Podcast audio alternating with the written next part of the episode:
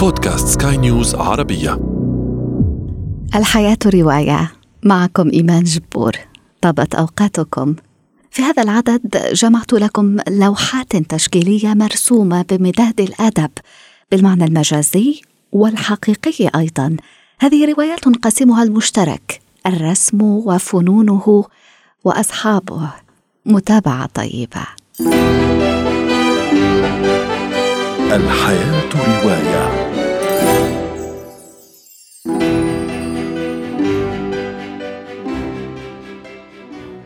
الرسم شعر صامت والشعر رسم متكلم يقول بلوتارخ الفيلسوف اليوناني في تقطع الطريق بينهما نقف في هذا العدد You looking at it? Well, Nothing's the right colour. this is the base color. It gives the tone, shadow, and the light. And when it's dry, I glaze over it with blue, but thinly so that the black shows through. العصر الذهبي للفن التشكيلي الهولندي القرن السابع عشر. نحن في مدينة ديلفت.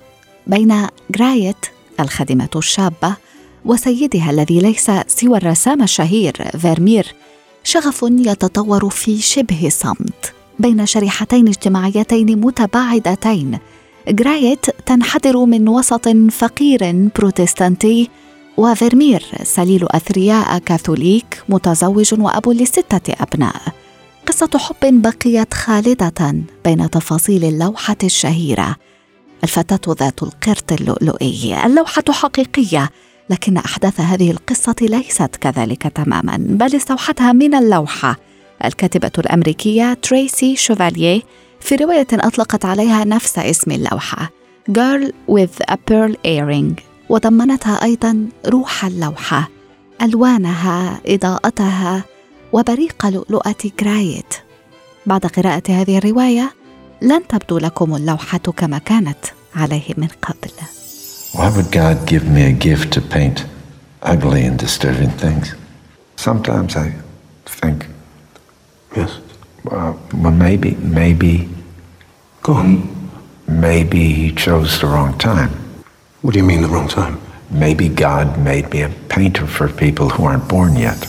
هل يعقل أن لوحة وحيده هي كل ما تبقى من تركة فنية لواحد من أعظم رسامي عصر النهضة في البندقية التوركيتو وتعني التركي الصغير في هذه الرواية يخط لنا الكاتب السويسري ميتين أغديتي قصة التوركيتو اليهودي المولود على أرض إسلامية في مطلع القرن السادس عشر من القسطنطينية يشد صاحبنا الرحال في سن صغيرة صوب البندقية لصقل موهبته في الرسم.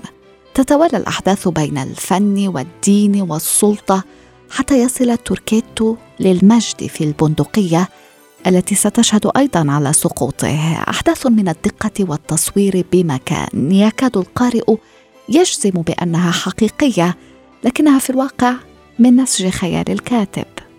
نقرأ في الرواية. في أوقات كتلك كان مستعدا لفعل أي شيء حتى يرسم.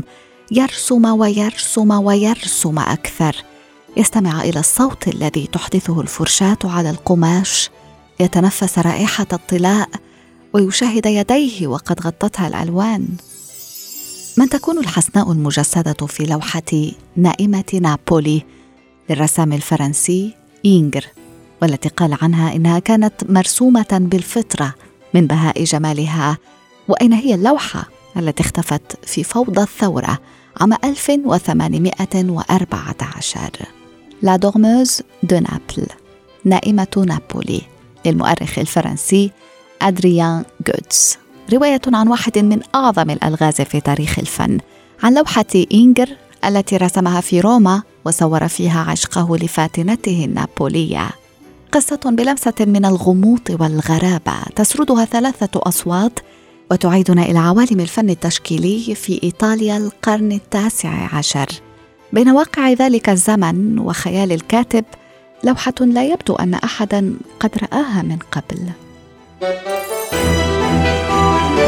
الحياة رواية.